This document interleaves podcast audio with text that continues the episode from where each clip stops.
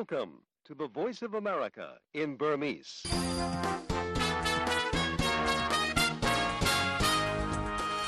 မင်္ဂလာညချမ်းပါသောရရှင်များရှင် VOA American တန်ကနေ2024ခုနှစ်ဖေဖော်ဝါရီလ12ရက်တနင်္လာနေ့ညပိုင်း VOA မြန်မာပိုင်းစီစဉ်တွေကို American ပြည်ထောင်စု Washington DC မြို့တော်ကနေမြန်မာစံတော်ချိန်ည9:00နာရီကနေ10:00နာရီထိဓာတ်ရိုက်ထုတ်လွှင့်ပေးနေပါပြီ။ကျမတို့ရဲ့ Radio ထုတ်လွှင့်ချက်တွေကိုရုပ်သံကပါရှုစားနိုင်ကြပါပြီရှင်။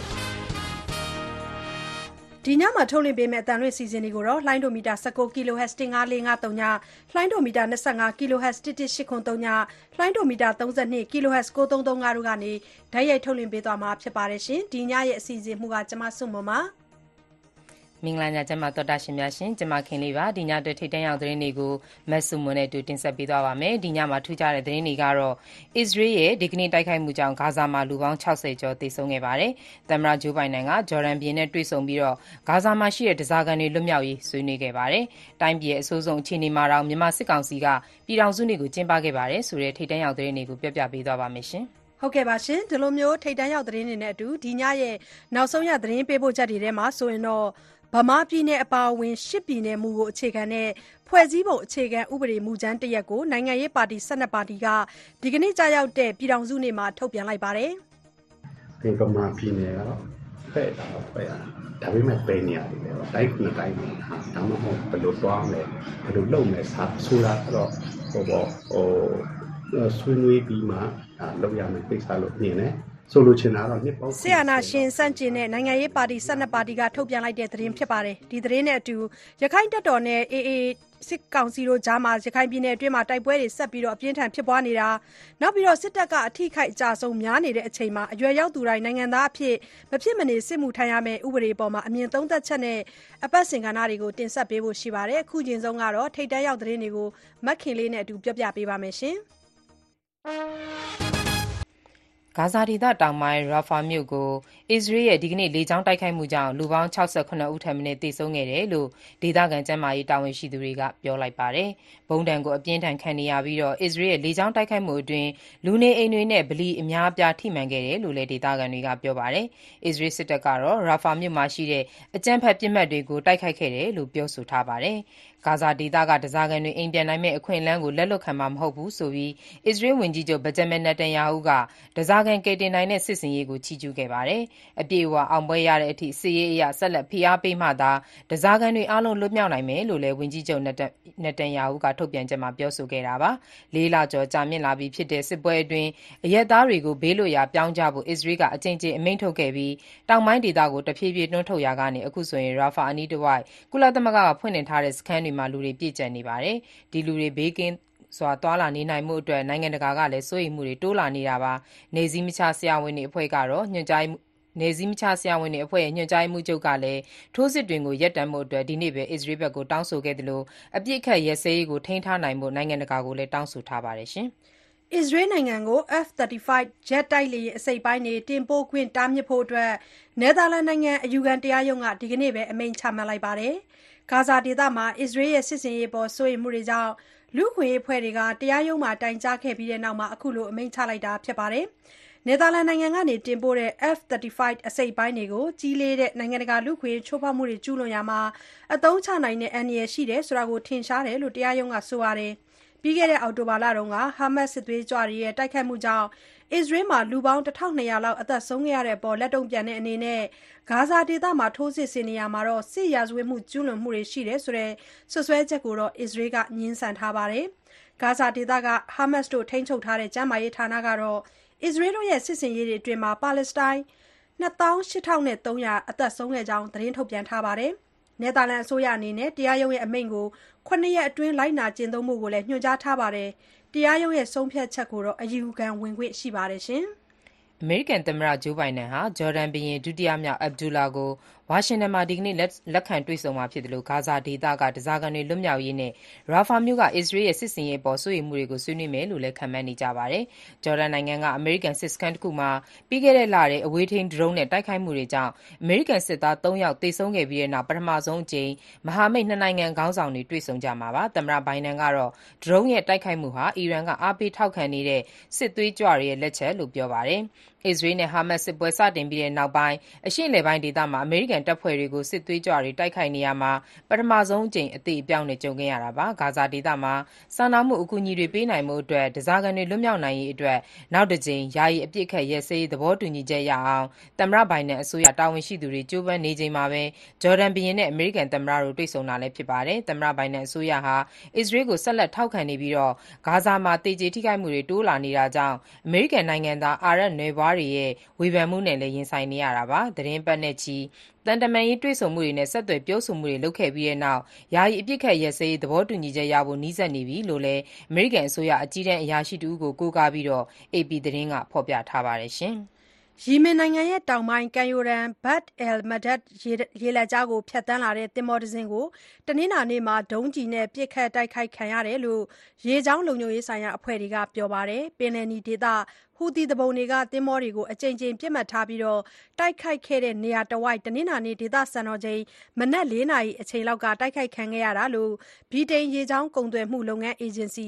UKMTO က ထုတ်ပြန်တဲ့ ကြေညာချက်မှာ ဖော်ပြပါတယ်။ ဒီတိုက်ခိုက်မှုမှာ သင်္ဘောသားတွေအထိအခိုက်မရှိဘဲသင်္ဘောက နောက်ဆိပ်ကပ်ရမယ့် ဆိပ်ကမ်းဆီ ဆက်လက်ခုတ်မောင်းနေတယ်လို့လည်း ပြောပါတယ်။တခြား ကုမ္ပဏီတခုရဲ့ ဖော်ပြချက်ထဲမှာတော့ ဂရိနိုင်ငံပိုင်နက် Marshall ကျွန်းစုအလံလွှင့်ထူထားတဲ့ဒီသင်္ဘောဟာ မိနစ် ၂၀ အတွင်း ဒုံးကျည်နဲ့ ၂ ကြိမ် ပစ်ခတ်ခံရတာဖြစ်ပြီး သင်္ဘော ညာဘက်ခြမ်း ထိခိုက်ပျက်စီးခဲ့တယ်လို့ ဖော်ပြပါတယ်။အီရန်ကျောထောက်နောက်ခံပြုထားတဲ့ ဟူသီသူပုန်တွေက ဟာမတ်စ်ကို တိုက်ခိုက်နေတဲ့ အစ္စရေး၊အမေရိကန်နဲ့ ဗြိတိန် အပါအဝင် အနောက်နိုင်ငံတွေကို ဆန့်ကျင်တဲ့အနေနဲ့ ပင်လယ်နီဒေသတဝိုက်ဖြတ်သန်းသွားလာနေတဲ့ သင်္ဘောတွေကို လအတန်ကြာကတည်းကတိုက်ခိုက်နေခဲ့တာပါ။အောက်တိုဘာလကတည်းက အစ္စရေး-ဟာမတ်စ်စစ်ပွဲကြောင့် ထိခိုက်ပျက်စီးခဲ့ရတဲ့ ဂါဇာက ပါလက်စတိုင်းတွေနဲ့ စည်းလုံးညီညွတ်တယ်ဆိုတာပြလိုတဲ့ ရည်ရွယ်ချက်နဲ့ အခုလို တိုက်ခိုက်တာလို့ ဟူသီသူပုန်တွေက ပြောဆိုထားပါတယ်။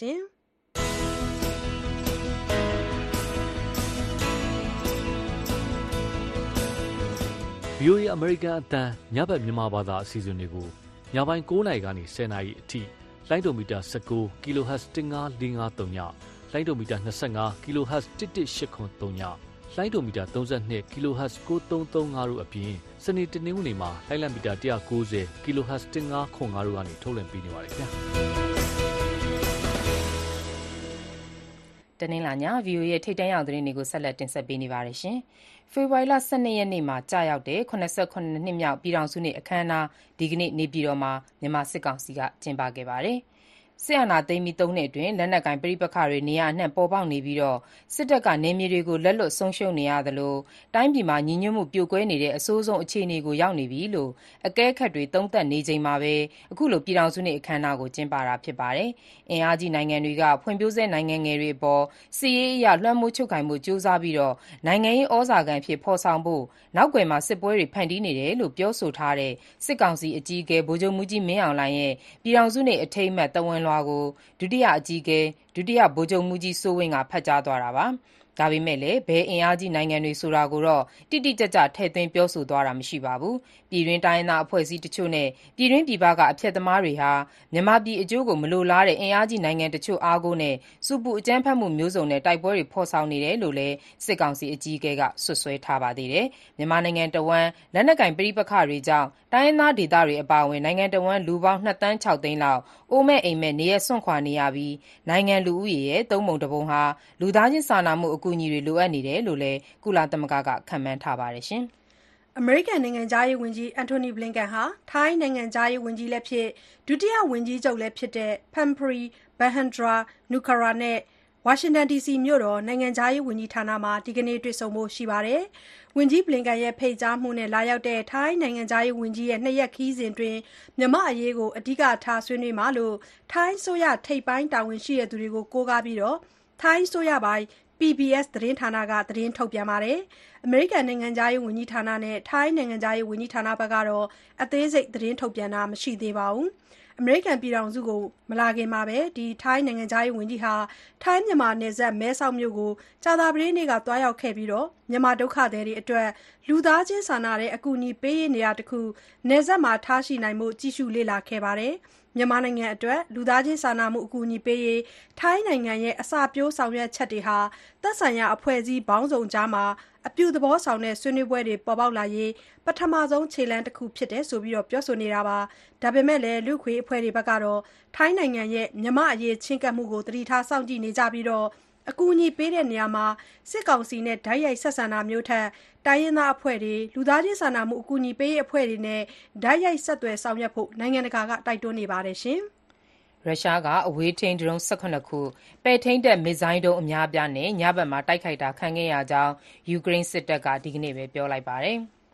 အီရန်နိုင်ငံလုပ် Shahed ဒရုန်း ၁၄ ခုနဲ့ မစ်ဇိုင်းဒုံးတခုကို ကြားဖြတ်ပစ်ချခဲ့တယ်လို့လည်း ယူကရိန်းစစ်တပ်က ပြောပါတယ်။ရုရှားဒရုန်းနဲ့ တိုက်ခိုက်မှုကြောင့် မီးလောင်မှုဖြစ်ခဲ့တယ်လို့လည်း Dnipropetrovsk ဒေသ အုပ်ချုပ်ရေးမှူးက ပြောဆိုခဲ့တာပါ။ သေကျေဒဏ်ရာရတဲ့သတင်းတော့ မကြားရပါဘူး။ရုရှားနိုင်ငံအတွင်းပိုင်းအထိ တိုက်ခိုက်နိုင်မယ့် တာဝေးဒရုန်းတွေကို ဒီနှစ်ထဲ ထောင်နဲ့ချီ ထုတ်လုပ်ဖို့ စီစဉ်ထားကြောင်းလည်း ယူကရိန်း ဒစ်ဂျစ်တယ်ဆိုင်ရာဝန်ကြီးက Reuters သတင်းဌာနကို ပြောထားပါတယ်။ယူကရိန်းသမ္မတ Volodymyr Zelenskyy ကလည်း ညစဉ်မိန့်ခွန်းအဖြစ် တနင်္ဂနွေနေ့က ပြောကြားရာမှာ လေကြောင်းရန်ကာကွယ်ရေးနဲ့ Electronics စစ်ဘက်ဆိုင်ရာ နည်းစနစ်တွေကို အဆင့်မြှင့်တင်ဖို့ ကြိုးပမ်းနေပြီး ဒီနှစ်အတွက် ဦးစားပေး အစီအစဉ်တွေမှာ ပါဝင်တယ်လို့လည်း ပြောပါတယ်။မကြာသေးခင်လတွေက ယူကရိန်းနဲ့ ရုရှား နှစ်ဘက်စလုံးက လေကြောင်းတိုက်ခိုက်မှုတွေ တိုးမြင့်လာခဲ့ပြီး နိုင်ငံအတွက် အရေးပါတဲ့ စွမ်းအင်၊စစ်ဘက်ဆိုင်ရာနဲ့ သယ်ယူပို့ဆောင်ရေး အခြေခံ အဆောက်အအုံတွေကို ပစ်မှတ်ထား တိုက်ခိုက်နေကြတာလည်း ဖြစ်ပါတယ်။အမေရိကန် ကာကွယ်ရေးဝန်ကြီး Lloyd Austin ကို ဆီးရောဂါနဲ့ ပတ်သက်ပြီး အရေးပေါ်ကုသဖို့ လိုအပ်တဲ့ လက္ခဏာကြောင့် အရေးပေါ် ဆေးကုသမှု ခံယူနိုင်ဖို့ Walter Reed စစ်ဆေးရုံကို တနင်္ဂနွေနေ့က ပို့ဆောင်ကုသနေပါတယ်။ကျန်းမာရေးအရ အရေးပေါ်ကုသဖို့ လိုအပ်တယ်ဆိုတာကို ဒုတိယ ကာကွယ်ရေးဝန်ကြီးနဲ့ ပူးတွဲစစ်ဦးစီးချုပ်များအဖွဲ့ ဥက္ကဋ္ဌကို အကြောင်းကြားထားသလို သမ္မတအိမ်ဖြူတော်နဲ့ လွှတ်တော်ကိုလည်း အကြောင်းကြားစာ ပေးပို့ထားကြောင်း ပင်တဂွန်စစ်ဌာနချုပ် ပြောခွင့်ရ ဗိုလ်ချုပ် Pat Ryder က ကြေညာချက် ထုတ်ပြန်ပါတယ်။ကာကွယ်ရေးဝန်ကြီး တာဝန်တွေကို ဒုတိယ ကာကွယ်ရေးဝန်ကြီး Kathleen Himes ကို လွှဲပြောင်းပေးထားတယ်လို့ တနင်္ဂနွေနေ့နှောင်းပိုင်း ထုတ်ပြန်တဲ့ ကြေညာချက်မှာ ရေးသားထားပါတယ်။ ပြီးခဲ့တဲ့နှစ်ကုန်ပိုင်းကလည်း ဝန်ကြီး Austin ဆီးကျိတ်ကင်ဆာကြောင့် ဆေးရုံတက် ခွဲစိတ်ကုသခံနေရပြီး သူဆေးရုံတက်တာကို လျှို့ဝှက်ထားတယ်ဆိုပြီး ဝေဖန်ပြစ်တင်တာတွေ ခံနေရတာပါ။အခု စစ်ဆေးရုံအရာရှိတွေကတော့ ဝန်ကြီး Austin ကို အရေးပေါ်ဌာနမှာ စစ်ဆေးပြီး ဆေးရုံမှာ အနီးကပ် စောင့်ရှောက် ကုသပေးနေကြောင်း ပြောပါတယ်။လတ်တလောဆေးရုံမှာ ဘယ်လောက်ကြာကြာ ဆေးကုသခံရမယ်ဆိုတာ မသိသေးကြောင်းနဲ့ သူ့ကင်ဆာရောဂါ အခြေအနေကတော့ သိသိသာသာ တိုးတက် ကောင်းမွန်ကြောင်း ကြေညာချက် ထုတ်ပြန်ထားပါတယ်။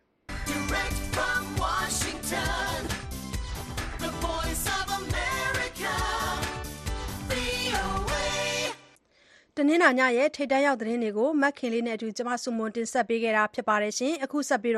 တနင်္လာညရဲ့ နောက်ဆုံးရ သတင်းပေးပို့ချက်တွေကိုဇက်တိုက် တင်ဆက်ပေးကြပါမယ်။အရင်ဆုံးဗမာပြည်နယ် အပါအဝင် ၈ ပြည်နယ်မူကို အခြေခံတဲ့ ဖွဲ့စည်းပုံအခြေခံဥပဒေ မူကြမ်းတရပ်ကို စစ်အာဏာရှင်ဆန့်ကျင်တဲ့ နိုင်ငံရေးပါတီ ၁၂ ပါတီက ဒီကနေ့ ပြည်ထောင်စုနေ့မှာ ထုတ်ပြန်တဲ့သတင်းကို တင်ပြပေးကြပါမယ်။ ဗမာပြည်နယ်အပါအဝင်၈ပြည်နယ်မူကို အခြေခံတဲ့ ဖွဲ့စည်းပုံအခြေခံဥပဒေ မူကြမ်းတရပ်ကို နိုင်ငံရေးပါတီ ၁၂ ပါတီက ဒီကနေ့ကျရောက်တဲ့ ၇၇ ကြိမ်မြောက် ပြည်ထောင်စုနေ့မှာ ထုတ်ပြန်လိုက်ပါတယ်။အဲဒီ ဖွဲ့စည်းပုံမူကြမ်းမှာ ၈ ပြည်ကို အခြေခံထားပေမဲ့ လိုအပ်ရင် ပြည်နယ်အသစ်တွေကိုလည်း ထည့်သွင်းသွားဖို့ရှိနေကြောင်း PRCF အဖွဲ့ ပြောခွင့်ရက VOA ကို ပြောပါတယ်။နိုင်ငံရေးပါတီ ၁၂ ပါတီက ၈ ပြည်နယ်မူကို အခြေခံတဲ့ ဖွဲ့စည်းပုံအခြေခံဥပဒေ မူကြမ်းတရပ် ထုတ်ပြန်တဲ့သတင်းကိုစည်သူတင်ပြထားပါတယ်။စစ်အာဏာသိမ်းမှုကို ဆန့်ကျင်ဖို့ ဖွဲ့စည်းခဲ့တဲ့ နိုင်ငံရေးပါတီ ၁၂ ပါတီရဲ့ ဖက်ဒရယ်ဖော်ဆောင်ရေး ပြည်သူ့ကိုယ်စားလှယ်များ ကော်မတီ PRCF က ဒီကနေ့ ကျရောက်တဲ့ ၇၇ နှစ်မြောက် ပြည်ထောင်စုနေ့မှာ ဖက်ဒရယ်ဒီမိုကရေစီ ပြည်ထောင်စု ဖွဲ့စည်းပုံအခြေခံဥပဒေ မူကြမ်းကို ထုတ်ပြန်လိုက်တာပါ။ ဒီဖွဲ့စည်းပုံမူကြမ်းမှာ၈ပြည်နယ်မူကိုအခြေခံထားကြောင်း PRCF ရဲ့ပြောခွင့်ရှိသူ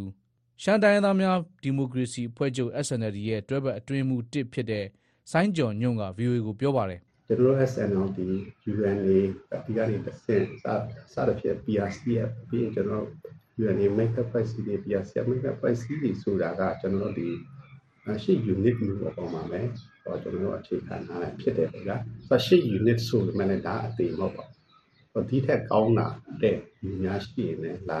အချင်းပြန်လဲဆွေးနွေးခဲ့တယ်ဆိုရင်တော့ကျွန်တော်တို့ကဒါကောင်းတယ်ဆိုရင်တော့လည်းလက်ခံလက်ခံရမှာဒီဟာလွတ်လပ်ရေးရပြီးနောက်မှာဗမာလူမျိုးကပြည်နယ်အဖြစ်ဖွဲ့စည်းတာမရှိဘဲပြည်ထောင်စုအစိုးရပုံစံမျိုးရပ်တည်ခဲ့တဲ့အပေါ်မှာခွဲခြားမှုနဲ့အကြက်တဲတွေရှိလာတာကြောင့်ဗမာပြည်ဖွဲ့စည်းရေးကိုထည့်သွင်းထားတာဖြစ်ကြောင်းနဲ့ပြည်နယ်သစ်တွေဖွဲ့စည်းရေးကိုလည်းထည့်သွင်းရမှာဖြစ်ကြောင်းပြောပါတယ်။ဒီပမာပြည်နယ်ကတော့ဖဲ့တာတော့ဖဲ့ရ ဒါပေမဲ့ပဲနေရတယ်ပေါ့တိုင်းခုတိုင်းဟာဒါမှမဟုတ်ဘယ်လိုသွားမလဲဘယ်လိုလုပ်မလဲစာဆိုတာတော့ဟိုပေါ့ဟိုဆွေးနွေးပြီးမှဒါလုပ်ရမယ်ကိစ္စလို့မြင်တယ်ဆိုလိုချင်တာကတော့နှစ်ပေါင်း80လောက်ခံစားခဲ့ရတဲ့မညီမျှမှုတွေကိုဖြည့်ဆည်းပြီးနိုင်တယ်အချက်တစ်ချက်လည်းဖြစ်တယ်ဒါကြောင့်မို့ကျွန်တော်တို့ကတော့ဒီဒီ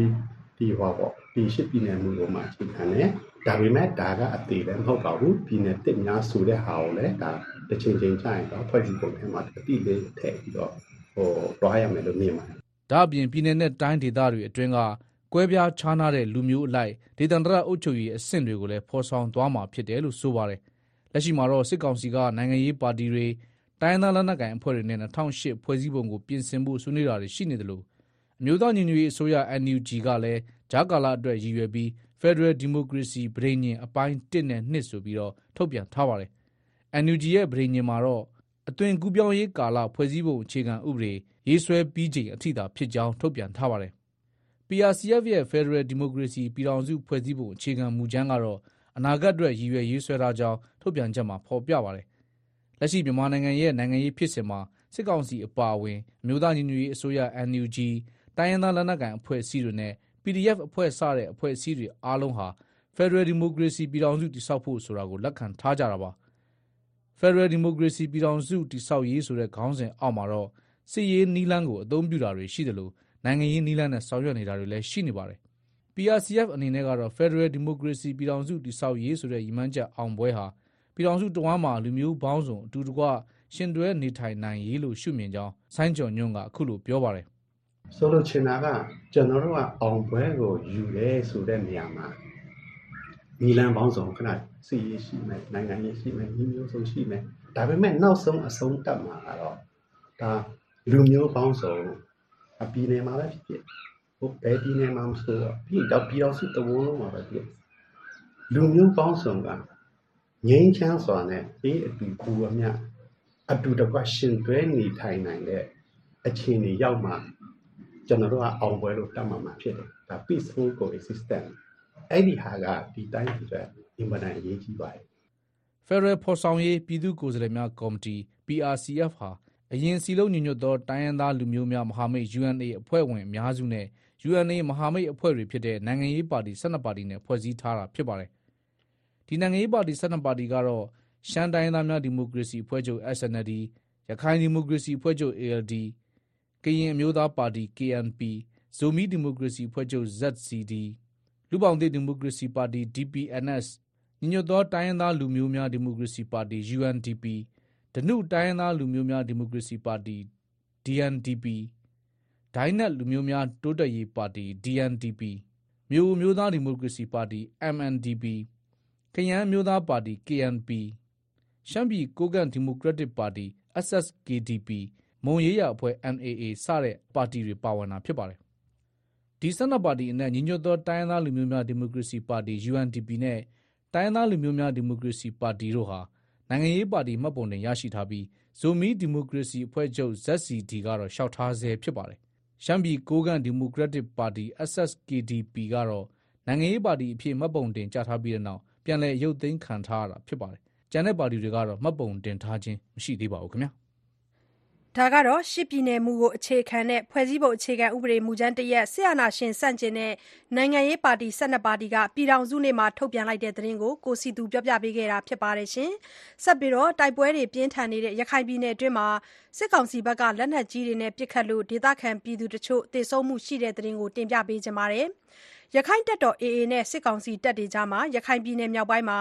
ဒီကနေ့အထိ တိုက်ပွဲတွေ ဆက်လက်ဖြစ်ပွားနေပြီး အရပ်သား ထိခိုက်သေဆုံးမှုတွေ ရှိနေတယ်လို့ ဒေသခံတွေက ပြောပါတယ်။တိုက်ပွဲတွေအတွင်း စစ်ကောင်စီဘက်က လေကြောင်းနဲ့ လက်နက်ကြီးနဲ့ ပစ်ခတ်မှုတွေကြောင့် ဒေသခံပြည်သူတွေလုံခြုံရေးအထူးစိုးရိမ်စရာ ဖြစ်နေပါတယ်။ရန်ကုန်က သတင်းပေးပို့ထားတာကို အခြေခံပြီး ကိုငြိမ်းချမ်းကပြောပြပါမယ်။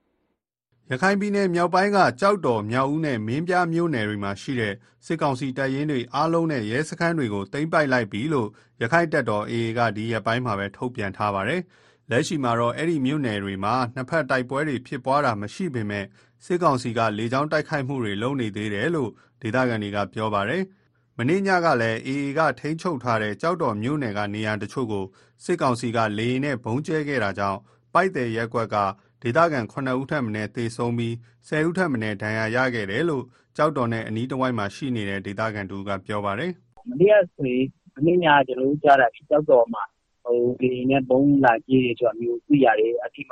ဒီဒီရုံးကြရောကိုပေါ်လိပြောတာတော့ဟိုရတယ်ပေါ့လေမှာချောင်းကြပြီးတော့ဟုတ်ကဲ့အဲ့ဒီမှာကျွန်တော်ကြားတာဟို6ယောက်လား9ယောက်လားမသိဘူးကလေးရောပါတယ်ပြောတယ်ဒီဒီပေါ့နော်ဟိုဟို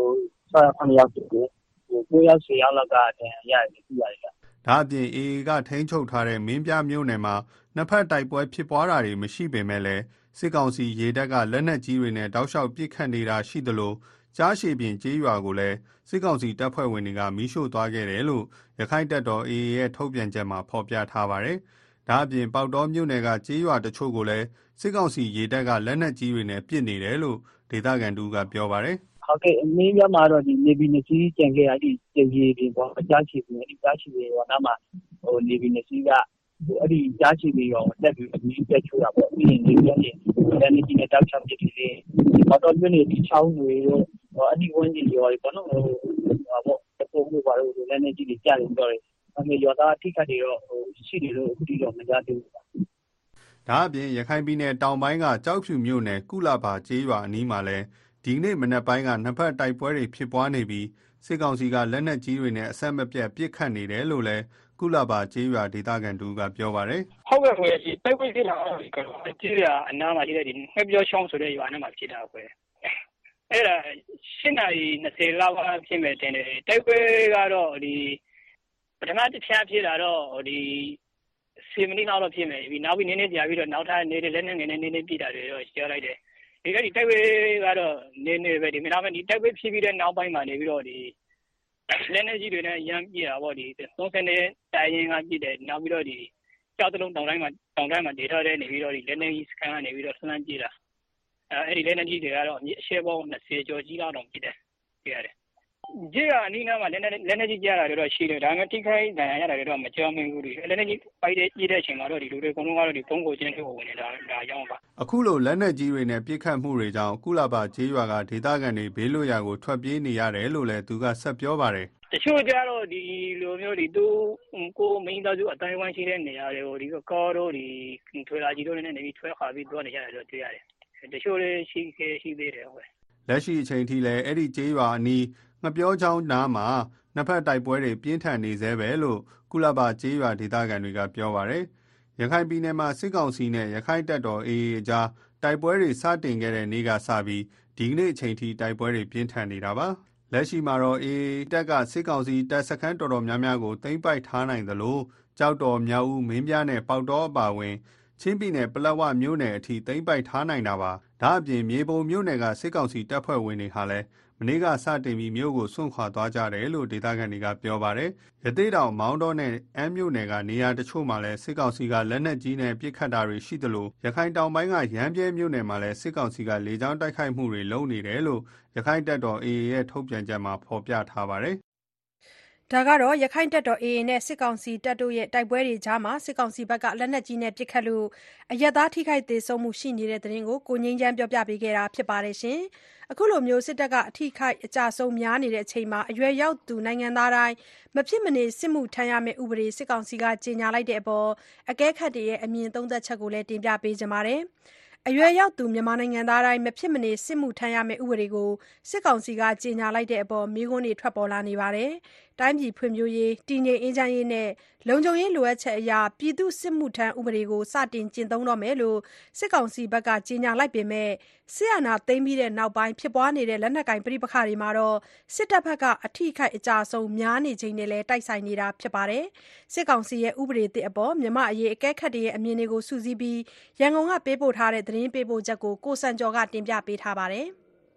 ဒီဥပဒေကို ဖေဖော်ဝါရီလ10ရက်နေ့ညမှာ စစ်ကောင်စီဘက်က တရားဝင် ကြေညာလိုက်တာ ဖြစ်ပါတယ်။၂၀၁၀ ပြည့်နှစ် နိုဝင်ဘာလ ၄ ရက်နေ့မှာ နအဖ အာဏာရှင် စစ်ခေါင်းဆောင်ဟောင်း ဗိုလ်ချုပ်မှူးကြီးသန်းရွှေ လက်မှတ်ထိုး ထုတ်ပြန်ခဲ့တဲ့ ဒီဥပဒေကို ၁၄ နှစ်အကြာမှာ စတင်ကျင့်သုံးဖို့ စစ်ကောင်စီဘက်က ပြင်ဆင်လိုက်တာ ဖြစ်ပါတယ်။ဆယ်စုနှစ်ကျော်မှ ဒီဥပဒေကို ဘာကြောင့် အတည်ပြုရတာပါလဲ။စစ်ကောင်စီပြောခွင့်ရ ဗိုလ်ချုပ်ဇော်မင်းထွန်းကတော့ နိုင်ငံဖွံ့ဖြိုးဖို့အတွက် တည်ငြိမ်အေးချမ်း လုံခြုံရေး လိုအပ်ချက်အရ ဒီဥပဒေကို အတည်ပြုတာဖြစ်တယ်လို့ စစ်ကောင်စီပိုင် မီဒီယာကနေ အခုလို ပြောဆိုလိုက်ပါတယ်။။အဓိက အခြေခံအကြဆုံး လိုအပ်ချက်ကတော့ တည်ငြိမ်အေးချမ်းရေးပါပဲ။တည်ငြိမ်အေးချမ်းမှာပဲ ကောင်းစွာ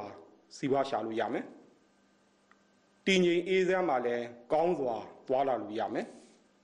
နေထိုင်လို့ရမယ် တိုးတက်အောင် လုပ်လို့ရမယ် တည်ငြိမ်အေးချမ်းဖို့ ဘာလို့လဲ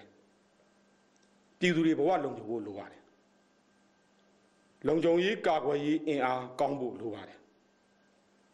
နိုင်ငံတစ်ခုမှာယိုသေးခန့်ညားလောက်တဲ့လုံခြုံရေးအင်အားကာကွယ်ရေးအင်အားမရှိဘဲနဲ့ခိုင်မာတဲ့တည်ငြိမ်အေးချမ်းမှုဆိုတာမရှိနိုင်ပါဘူး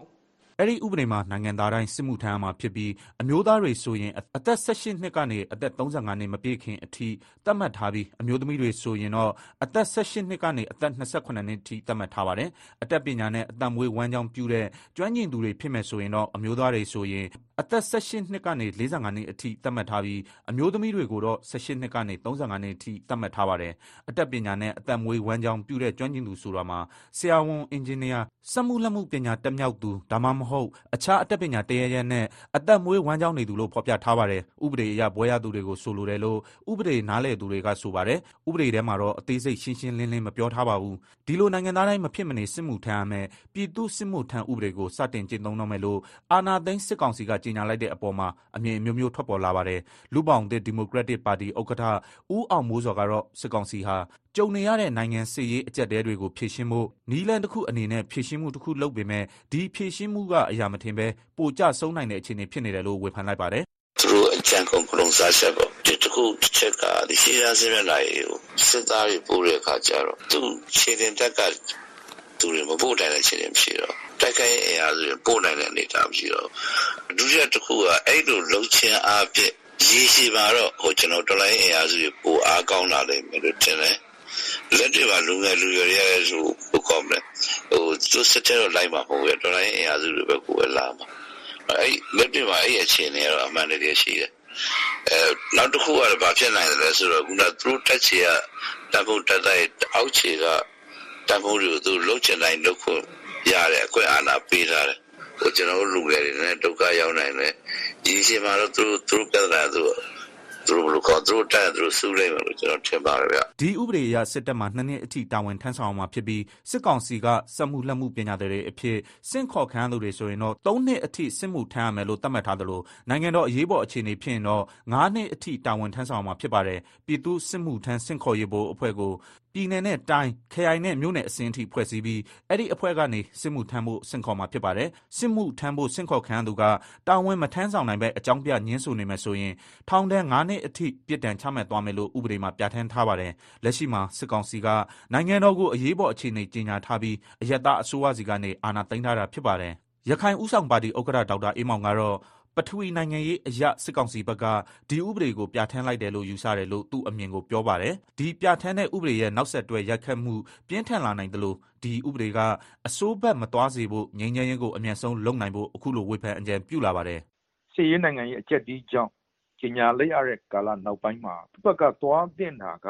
ပြည်သူ့စစ်မဟာဗျူဟာအရလည်း လိုအပ်တဲ့အနေအထား တနည်းအားဖြင့် နိုင်ငံတကာ ပါလာခဲ့ရင်ဆိုတဲ့တံပရပူရ1027ရဲ့နောက်မှာရှိလာနိုင်တယ်တခုကလိုအပ်ချက်ရပထဝီနိုင်ငံရေးလိုအပ်ချက်ရပြည်သူ့စစ်ဥပဒေကိုပြဋ္ဌာန်းလိုက်ရတယ်တိုးတိုးစစ်မှုထမ်းဥပဒေရစစ်မှုထမ်းလာကြတဲ့ပုံကိုယ်တွေပုံကိုယ်ငယ်လေးတွေအသက်ကိုအချင်းချင်းပို့ဗျာပြည်တွင်းစစ်ကြောင့်အသက်ဆုံးရတာမျိုးမဟုတ်စေဘဲနဲ့ခုနကပြောသလိုပို့လိုအပ်ချက်အရာစုဆောင်းထားတယ်ဆိုတာမျိုးဖြစ်အောင်ငင်းချမ်းမှုနဲ့မျိုးသားပြန်လည်ရင်ကြားစစ်မှု ကိုတပြိုင်တည်းတိဆောက်ဖို့ ဒီဥပဒေမှာ နိုင်ငံဝန်ထမ်းတွေ ပညာသင်ကြားနေသူတွေ အသက်ကြီးတဲ့ မိဘတွေကို ပြုစုစောင့်ရှောက်နေရသူတွေ မူရည်စေဝါဖြတ်နေသူတွေစေကူးနေရသူတွေနဲ့ ထောင်ကျနေသူတွေကတော့ တာဝန်ထမ်းဆောင်ဖို့ ယာယီရွှေ့ဆိုင်းနိုင်တယ်လို့ ဆိုပါတယ် ဗုဒ္ဓဘာသာ ခရစ်ယာန်ဘာသာနဲ့ ဟိန္ဒူဘာသာတို့က သာသနာဝန်ထမ်းတွေ အိမ်အောင်တဲ့အမျိုးသမီး ကိုလက်အင်္ဂါတစ်ခုခု အမြဲတမ်းမတန်ဆွမ်းသူတွေ စစ်တပ်ဆေးစစ်ဆေးရေးဘုတ်အဖွဲ့က တာဝန်ထမ်းဆောင်မှုမတင်တော်ကြောင်း သတ်မှတ်ထားသူတွေနဲ့ ပြည်သူစစ်မှုထမ်းစင့်ခေါ်ရေးဘို့ဟိုကကင်းလွန်ခွင့်ပြုထားသူတွေပဲ စစ်မှုထမ်းဖို့က ကင်းလွန်ခွင့်ရှိတာပါ စစ်တပ်ဆေးစစ်ဆေးရေးဘုတ်အဖွဲ့က တာဝန်ထမ်းဆောင်မှုမတင်တော်ကြောင်း သတ်မှတ်ထားသူတွေနဲ့ ပြည်သူစစ်မှုထမ်းစင့်ခေါ်ရေးဘို့ဟိုက ကင်းလွန်ခွင့်ပြုထားသူတွေဆိုတာ ဘယ်လိုလူမျိုးလဲ စစ်ဆေးရေးအဖွဲ့က ဘယ်သူတွေက ဆုံးဖြတ်မှလဲဆိုတာ ဥပဒေမှာ တိတိကျကျ ဖော်ပြထားတာတော့ မရှိပါဘူး ဒီလို ဆယ်စုနှစ်တစ်ခုကျော်ကြာမှ ပြဋ္ဌာန်းတဲ့ ဒီဥပဒေနဲ့ ပတ်သက်ပြီး လိုအပ်တဲ့ နည်းဥပဒေနဲ့ လုံထုံးလုံနည်းတွေကို ထပ်မံထုတ်ပြန်သွားမယ်လို့ စစ်ကောင်စီဘက်က ကြေညာထားပါတယ်ခင်ဗျာ ကိုစံကျော် ပြောပြပေးခဲ့တာဖြစ်ပါတယ်ရှင်မကြခင် ထုတ်လွှင့်ပေးမယ့် ဒုတိယပိုင်း နာရီဝက်မှာတော့အပတ်စဉ်ကဏ္ဍ အစီအစဉ်တွေ နားဆင်ရဖို့ ရှိပါတယ် VOA အစီအစဉ်တွေကို ရေဒီယို ရုပ်မြင်သံကြားတို့ဖြင့် Facebook စာမျက်နှာကနေပြီးတော့လည်း နားဆင် ကြည့်ရှုနိုင်ပါတယ်။ VOA မြန်မာပိုင်း Facebook စာမျက်နှာ လိပ်စာကတော့ facebook.com/voaburmese ဖြစ်ပါတယ်။ မင်္ဂလာညချမ်းပါတော်ရရှင်များရှင် VOA မြန်မာပိုင်းရဲ့2024ခုနှစ်ဖေဖော်ဝါရီလ12ရက်တနင်္လာညချမ်းအတန်လွင့်အစီအစဉ်တွေကိုအမေရိကန်ပြည်ထောင်စုဝါရှင်တန် DC မြို့တော်ကနေတိုက်ရိုက်ထုတ်လွှင့်ပေးနေတာဖြစ်ပါတယ်ရှင်အခုဒုတိယပိုင်းနိုင်ဝက်မှာတော့တွဲဆုံမေးမြန်းခန်းနဲ့ထုတ်လွှင့်ပေးနေကြအပတ်စဉ်ကဏ္ဍတွေကိုရှုစားနားဆင်ရဖို့ရှိပါတယ်အရင်ဆုံးတော့တွဲဆုံမေးမြန်းခန်းအစီအစဉ်ကိုတင်ဆက်ပေးကြပါမယ် မြန်မာနိုင်ငံမှာ စစ်တပ်က အာဏာသိမ်းတာကို ဆန့်ကျင်ဆန္ဒပြရာကနေအဖမ်းခံရပြီး စစ်တပ်ထဲကိုအတင်းသွင်းခံခဲ့ရလို့ ရှမ်းပြည်နယ်တောင်ပိုင်းက မိုင်းရှူးနယ်သား မောင်ဆိုင်းအောင်နဲ့တငယ်ချင်းတတိုက်ဟာ အသက်မပြည့်သေးဘဲ ကလေးစစ်သားတွေအဖြစ် စစ်တပ်ထဲကိုရောက်ခဲ့ရပါတယ် စစ်တင်တန်းတွေ ရက်ဆက်တိုက်တက်ခဲ့ရပြီး ရှေ့တန်းကိုလည်းရောက်ခဲ့ရပါတယ် မကြသေးခင်ကပဲ ထိုင်းနိုင်ငံဘက်ကိုထွက်ပြေးပြီးလက်နက်ချတဲ့ ကလေးစစ်သားဆိုင်းအောင်ကို VOA မြန်မာပိုင်းက ဒေါခင်မျိုးသက်က တွေ့ဆုံမေးမြန်းထားပါတယ် အခုလို VOA ကိုလာပြီးတော့ ဖြေချပေးတဲ့အတွက် အများကြီးကျေးဇူးတင်ပါတယ် ပထမဆုံးအနာမည်လေးက စပြီးတော့ ပြောပြပေးပါနော် ကျွန်တော်နာမည်က စိုင်းအောင်ဗျ ကိုဆိုင်အောင် ဟုတ်ကဲ့ဗျ ကိုဆိုင်အောင် အခုအသက် ဘယ်လောက်လောက်ရှိလဲတန်း20ဗျ အသက်20နော် ဒီတက်ထဲကိုနော်ဘယ်အချိန်ကစပြီး ဝင်လဲပြောပြပေးပါ ကျွန်တော် မိုင်းရှူးကနေမိုင်းရှူးကနေနဲ့ ကျွန်တော်တို့တငယ်ချင်းအပေါင်းအသင်းတွေဒီလန့်ခေါ်တော င်ကြီးမှာတောင်ကြီးမှာဟိုဟာဟောဆန္ဒပြဖို့တော့အာနာစတိုင်းနေချင်လေးရက်နေ့ကျတော့ကျွန်တော်တို့မီခိုပုံနဲ့ပြစ်တယ်ဟိုလက်နက်ငယ်နဲ့ပြစ်ကြတော့ပြီးတော့အကုန်လုံးလူစုကြီးကွဲရောပြေးကြတယ်လူစုကွဲပြေးကြတော့ကျွန်တော်တို့မိုင်းရှူးကမိုင်းရှူးသား12ယောက်ပဲကြံခဲ့တယ်အဲကိုနန်းမှာ12ယောက်ပဲကြံခဲ့တယ်ကျွန်တော်တို့တွေလည်းပြေးကြသူတငယ်ချင်းတွေပဲရှိတယ်မပြေးဘူးဒါပေမဲ့အဲအဲ့မှာပဲလက်တွဲပြီးတော့ကြံနေတော့ကျွန်တော်တို့စနေရောက်အဖမ်းခံအဖမ်းခံပြီးပြီးချင်း စစ်တပ်ထဲကိုဘယ်လိုရောက်သွားလဲအဲ့ဒါလေးပြောပြပေးကျွန်တော်တို့ဖမ်းသွားပြီးတော့ရဲစခန်းကိုလည်းမပို့ဘူးကျွန်တော်တို့ဒီစစ်တပ်တွေကိုပဲခေါ်သွားတယ်ခေါ်သွားတော့ခါကျတော့အဲ့မှာကျွန်တော်တို့စစ်တပ်တွေဝင်ရမယ်ဆိုခါကျတော့ကျွန်တော်တို့ကမဝင်ဘူးလို့ပြောတယ်မဝင်ဘူးဆိုတော့ခါကျတော့ဟာဒီကောင်နေတဲ့စနေရောက်လုံးအတူထားနေရင်တော့ဒီကောင်တွေကောင်းကြောမာနေအောင်မှာလို့တယောက်တစ်နေရာစီခွဲလွတ်လိုက်တာကျွန်တော်ကတော့မော်လမြိုင်ရောက်လာတယ်မော်လမြိုင်တက်ခွေလေးပေးကတက်မှာရောက်စက်ခုံတော့ပဲရှိတယ်ဗျဟောသူတို့ကလူပဲမှတ်ဖို့နေလောက်ပေးတာ အဲ့တော့စက္ကန့်နဲ့ဆိုအသက်မပြည့်သေးဘူးတော့မပြည့်သေးဘူးဗျကျန်တဲ့တငယ်ချင်း၁၁ယောက်ကတော့ခွဲရောက်တနေရာတနေရာစီရောက်ကုန်ကျွန်တော်အစားဆိုကျွန်တော်နောက်မှာတယောက်တယောက်ထည့်ပေးလိုက်တယ်အဲတက်ကနေပြီးတော့ထည့်ပေးလိုက်တယ်အဲ့တနေရာမထည့်ပေးလိုက်ဘူးမထည့်ပေးလိုက်တော့ကျွန်တော်လည်းဒီသားပဲရှိသေးရအောင်မော်လမြိုင်ဒီဈေးတဲ့ကိုကျွန်တော်ရှန်စီကိုကြော်ကြီးကျွန်တော်ပြေးလာတော့ခါကျတော့ကားဂိတ်လိုက်ချတာဈေးထဲမှာလိုက်မေးလိုက်မေးနေတယ် ခေါင်းလေးပေသွားမှုလဲကျွန်တော်ကားဂိတ်လိုက်ချနေတာလို့အဲ့လိုအကူညီများရမလားပုံဝင်လေးအမှန်တမ်းပြောတော့ခါကျတော့ဘယ်ဟုတ်မလဲဗျာစစ်တပ်ဖြစ်နေအာနေရောမှာသူတို့စစ်တပ်တက်ကိုဖုံးလဲဆိုင်နဲ့လန့်ခေါ်လန့်ခေါ်တော့ရောက်လာတော့ကျွန်တော်ပြန်ဖမ်းသွားတော့ပြန်ဖမ်းသွားတော့အမှကျွန်တော်စပင်ကြီးကတော့တင်နန်းသားကြီးပေါ့ပဲကရုံးကြီးညှက်လိုက်တယ်ရှေ့သမားနောက်ပြောင်းရှေ့ကတလက်မအောင်မရှိတော့ဘူးအဲ့ဒါကျွန်တော်လည်းဘေးမှမသွားရတော့ဘေးမှမသွားရတော့ခါကျအဲ့မှာပဲနေပြီးတော့ခါကျနေတော့မော်လမြိုင်နေတော့တင်နန်းကျောင်း ရမင်းတင်စခရလေးကျင့်တော့ကျွန်တော်အဲ့ကိုပို့ပေးအဲ့ပို့ပြီးတော့တင်တန်းတက်တာဒါပေမဲ့ကျွန်တော်တယောက်ထဲလာလို့ထင်နေတာရောက်80ကျော်တယ်ကျွန်တော်တို့လိုပဲဆန္ဒမပါလို့တစ်ပတ်လည်းပြည့်သွားမြို့တင်တန်းတက်ရတော့မယ်ကျွန်တော်တို့ဘာမှလည်းမစစ်မမေးတော့ဘူးအဲ့ကျွန်တော်ကြားထဲမှာမှစစ်သားသားသမီးတွေပါတယ်စစ်သားသားသမီးတွေပါတယ်နောက်ပြီးတော့ဒီဘယ်လိုပြောမလဲတင်တန်းစင်းမိသားရဲဘော်တွေလည်းပါကျွန်တော်ကြားထဲကိုညှက်ထည့်ပေးတာကျွန်တော်တို့ဘာပြောပြောပါလို့လို့ ဒီကြီးစီတရင်ရောက်တာပေါ့သူများရော6လတက်ရတယ်ကျွန်တော်က4လခွဲပဲတက်ရတယ်4လခွဲမှာတော်တော်ကြမ်းကြမ်းနဲ့နဲ့မောင်းတာတနေ့ညောင်းရောက်တော့လဲတစ်ပတ်ကြော်ကြော်လောက်ပဲနေရတယ်တင်နန်းမှာတွေ့တဲ့အတွေ့အကြုံလေးနည်းနည်းပြောပြပေးပါဒီနေ့မှတွေ့တဲ့အတွေ့အကြုံကတော့သူတို့ပြောတာတော့စစ်သားဖြစ်ပြီဆိုတော့ကြမ်းကြမ်းနဲ့နဲ့မဟုတ်ဘူးစားတော့တာတော့ကြမ်းတယ်ဟင်းနေပါလေဆိုငားတွေပါလေဆိုချင်းတောင်းတောင်းမကြက်တော့ဘူးတွေးတန်တရေရဲနဲ့ပဲအဲ့လိုမျိုးပဲ ကျွေးခဲ့ရတယ်ရှိတယ်ပြီးတော့ခါကျတော့သမင်းထဲမှာဟိုစပလုံးပါတာတို့ဟိုသဲပါသဲဖြူတာတို့အားမျိုးတွေကျွန်တော်တို့တွေအဲ့လိုကြမ်းကြမ်းနဲ့နဲ့ပဲနေရပြီးတော့အဲ့လိုကျွေးတယ်အမြင်ကျွေးတယ်ဟောအဲ့လိုပဲဟိုပါပေါ့မင်းတို့စစ်သားဖြစ်ပြီဆိုရှင်အကျင့်သားရအောင်လို့ထွင်နေရအောင်လို့ဆိုပြီးတော့ငါအဲ့လိုမျိုးကြွေးတယ်အဲ့ဒီအချိန်တုန်းကရောဟိုအပြင်ကိုထပ်ဖို့လို့အခွင့်ရ ဟိုမတောင်းဘူးပေါ့အခွင့်မတောက်ဘူးဗျအခွင့်မတောက်ဆိုတာကျွန်တော်တို့အမှကျွန်တော်တို့တက်စုတက်ကြက်ကြီးကပြောတယ်မင်းတို့ကောင်တွေဒီတင်တန်းကျောင်းမှာမပြေးနဲ့တဲ့ပြေးနေတယ်မလွတ်ဘူးတဲ့အပြင်မှာလုံခြုံရေးတွေကင်းနေအများကြီးရှိတယ်တဲ့မင်းတို့ပြေးရင်ဘယ်လို့မှမလွတ်နိုင်ဘူးပေါ့အဲ့လိုပြောတယ်အဲ့လိုပြောတော့ကျွန်တော်လည်းအမှအောက်အီးနေမင်းတို့တက်ရင်နေမင်းတို့ကောင်တွေတက်ရင်အတီးတီးရောက်သွားရင်မင်းတို့သွားရတယ်ပြေးဘာမှမဖြစ်ဘူးမင်းတို့ကောင်တွေအပြေးစုံနဲ့သွားပြေးတဲ့အဲ့လိုမျိုးပြောတာသူတို့လောက်ရက်တွေမကြိုက်တော့လို့ ကျွန်တော်တို့လည်းပြောပြတယ်ဒါပေမဲ့သူတို့ကတော့မိသားစုရှိနေတဲ့အတိုင်းအတာဖြစ်တဲ့အတွက်သူတို့ကအောင် EV နေကြရတယ်အဲ့မှာခမရ340ကိုရောက်တော့ခါကျတော့ကျွန်တော်တို့ကတော့လင်းနဲ့မသွားဘူးဗျကျွန်တော်တို့ကတော့ဒီမော်လမြိုင်ကိုကားနဲ့ရောက်တယ်ကားနဲ့ရောက်မော်လမြိုင်နဲ့စားထွက်ပြီးတော့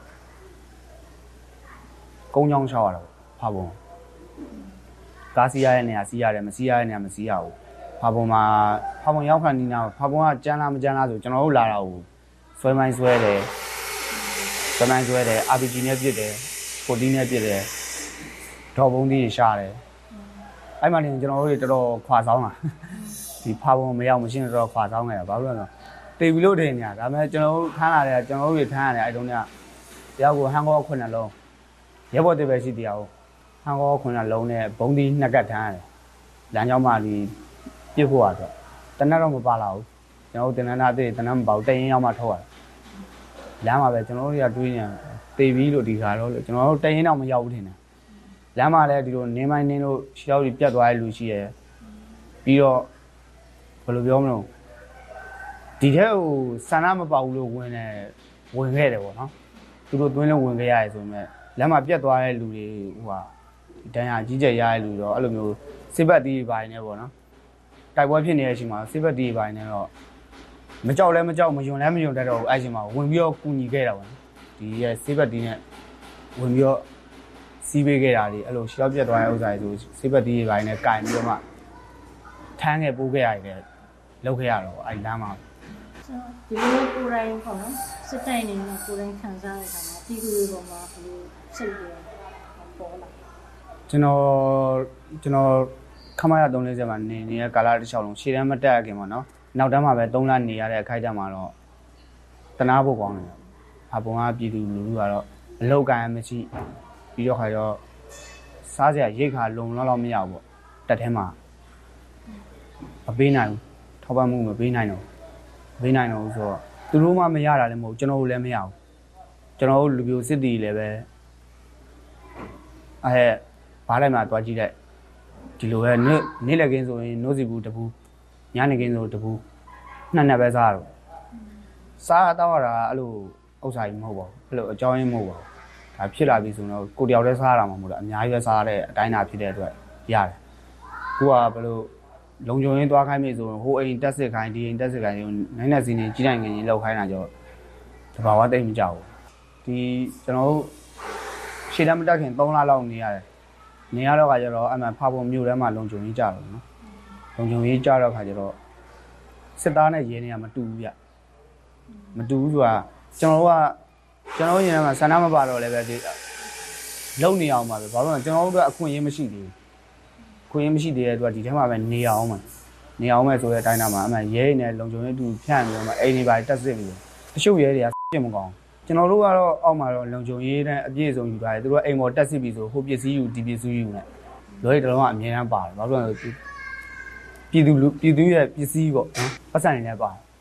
ပစ္စည်းတန်ဖိုးရှိတဲ့ဥစ္စာတွေအဲ့လိုမျိုးထွက်လာတယ်ဟိုထွက်ပြေးဖို့ပေါ့နော်စစ်တပ်ထဲကနေထွက်ပြေးဖို့အတွက်ဟိုဘယ်လိုစလုပ်ပြန်ပြောပါ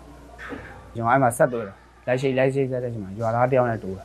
ရွာသားတယောက်နဲ့တူတော့ငါညီတဲ့ဘေးသွားမှုလဲတဲ့။အဲ့ကဒီမှာလည်းမမြင်ဘူးတဲ့။မမြင်ဘူးဆိုကျွန်တော်ကစစ်သားလေးပြားလို့အားအရောက်နေဒီထက်လာလို့မရောက်လေမင်းနားမလဲဘူးလားတဲ့ဆိုတော့အားလို့ သူကြည့်ရောလေဘာမှတော့မပါဘူးကျွန်တော်အရင်ဆုံးဖြဲတာပေါ့နော်အရက်သား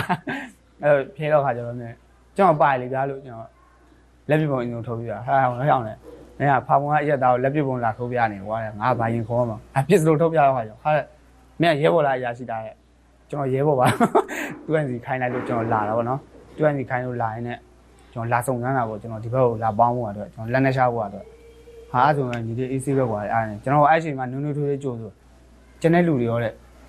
လိုက်ရှင်တဲ့လူကအများကြီးလို့ဒါအများကြီးလိုက်ပြီးဆိုဒီဘက်ပြဖြစ်သွားတယ်ပဲလို့လက်နဲ့ကြည်နေပြစ်တာကိုသူကဘာပဲဖြစ်ဖြစ်အပေါ်ကတမက်ချက်ကတော့ဖြစ်ပြီဆိုတာနဲ့ရွာတဲ့နဲ့မြို့လည်းပဲလက်နက်ကြီးလမ်းပြစ်ညာအဲ့လိုထိခိုက်မှုတွေရှိမှဆိုလို့ရှေ့တန်းကိုခေါ်ဖို့စစ်တောင်းပေါ့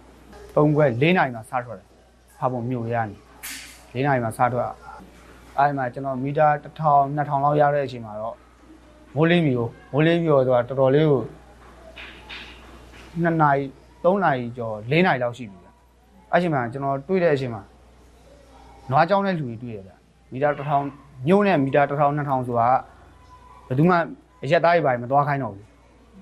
အဲ့ညာတွေကမိုင်းတွေပါပေါ်လေမိုင်းပေါ်တော့ခါကျွန်တော်ကျွန်တော်တွေ့ရတဲ့အချိန်ကျကျွန်တော်မှတ်ထားတာအဲ့နေရာလေးကိုမှတ်ထားတယ်ကျွန်တော်ရော်ဘာတော့ကိုလည်းကျွန်တော်မှတ်ထားတယ်အဲ့ရော်ဘာတော့နဲ့ဆိုရက်ွက်သုံးနဲ့နီးရတယ်ကျွန်တော်ပြောဘူးရအဲ့ရက်တာပြောကျွန်တော်အဲ့နေရာလေးကိုမှတ်ထားတော့ခါကျတော့ဟိုတွေဒီ အမှညနေဆောင်တော့ခါကျတော့အရှိချပြီအရှိချပြီနေရနေရာတွေပါရှင်းပြီးတော့မှထမင်းတွေပါဆင်းချက်တဲ့လူကရှက်တယ်အဲ့ချိန်မှာကျွန်တော်ပါမတော့ကျွန်တော်ပါမတော့ဘဲနဲ့အဲ့အပေါ်မှာနေခဲ့အပေါ်မှာနေခဲ့ပြီးတော့ရပေါ်ချင်းရပြီးတော့ဘိုးကြီးကကျွန်တော်ကိုခေါ်အောင်နေတယ်ကျွန်တော်တို့လည်းလိုက်မနေတယ်လိုက်မယ်ဆိုသူတို့ကိုကြည့်လိုက်တော့လည်းတော်တော်များရပြလူက73ယောက်14ယောက်လောက်ရှိတယ်အဲ့73ယောက်14ယောက်ဆိုကုန်ပြီလေကုန်ပြီဆိုတော့လက်လက်ကြီးနဲ့လည်းလမ်းပြတော့မှာအဲ့ဒါဆိုဟောင်းနေအဲ့လိုတော့မလုပ်ကြတင်အောင်ကွာလို့မင်းတို့ကလည်းလို့ အလက်ကြိုင်နဲ့ထွက်ကြမယ်လက်ကြိုင်နဲ့သွားကြမယ်နှစ်နာရီကျတော့ငါတို့ကင်းလာနိုးတယ်ကျွန်တော်ကင်းလာနိုးကျွန်တော်မအိပ်ဘူးကိုရိုက်ရိုက်သွားရတော့လို့ဆိုပြီးတော့ကျွန်တော်ကင်းထားတာကင်းထားရင်လက်နက်ခံအကုန်ပြည့်စုံ equipment တွေပါပတ် uniform တွေပါအပြည့်စုံဝင်ပြီးကြီးကာဝတ်ထိုးတွေပါစောင်းပြီးတော့ကျွန်တော်လက်နက်ကောက်ယူပြီးတော့လွယ်ရောထောင်းနေလွယ်ရဘာလို့တောင်းလဲလွယ်နေကြည်ပိုလေရလို့တောရဲတောင်နေရောက်နေလို့ဆိုကြ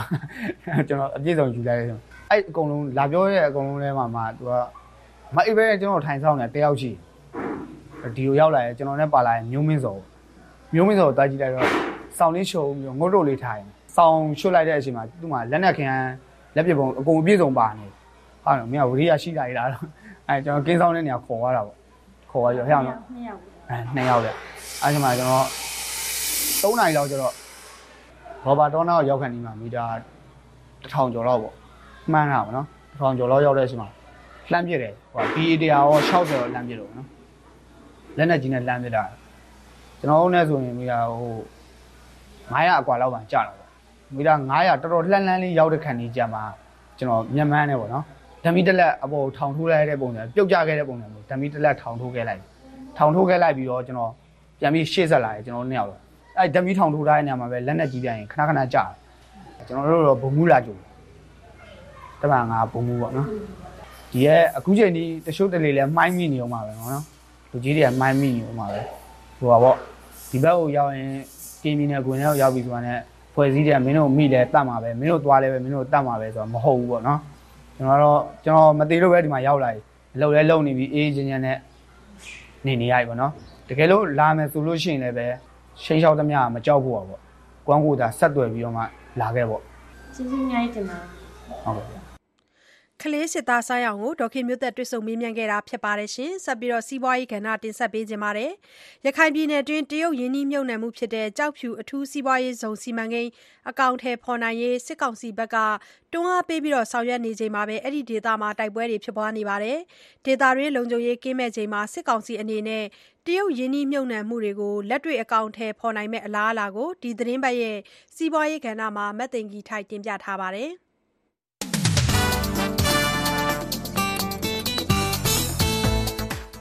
ကျွန်တော်မြင်တာကတော့အကောင့်ကြီးပေါ်ဖို့အစဉ်သင်း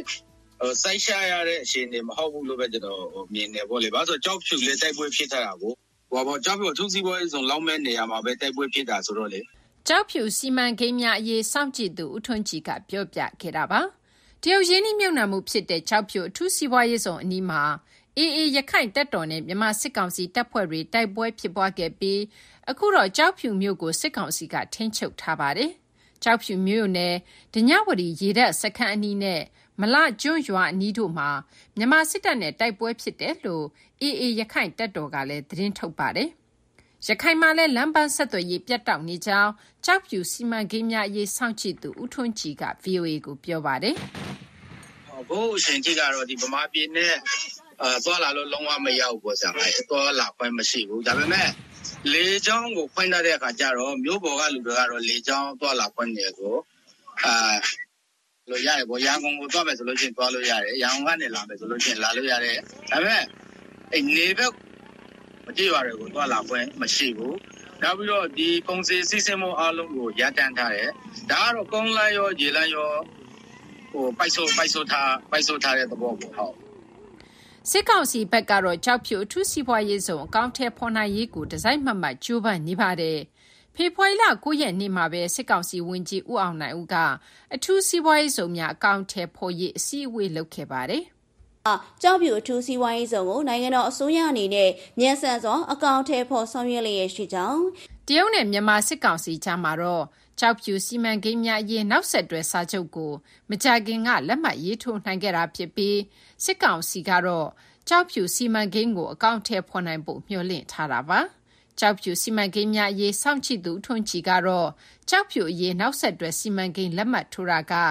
လုပ်ငန်းသဘောအရာဖြစ်နိုင်တယ်လို့ ပြောပါတယ် ဒီ process ကြီးကစကတိကလာဟိုလောက်လာတာဆိုတဲ့အခါကျတော့ အခုနောက်ဆုံး final agreement ကို လက်မှတ်ထိုးရဆိုတာကသူစားရနေလို့တော့ ကျွန်တော်မမြင်ဘူး ဒါလောက်ကိုလောက်ရမယ်အဲလောက်ငန်းစဉ်ဖြစ်တယ် ဒီနေရာမှာ အာနာသိမ့်ထားတာ မသိမ့်ထားတာကို ချိကျွဲလို့ မရဘူးပေါ့လေနော်ချိတဲ့လူနဲ့တော့ လက်မှတ်ထိုးရမှာပဲ တယောက်ဘက်ကတော့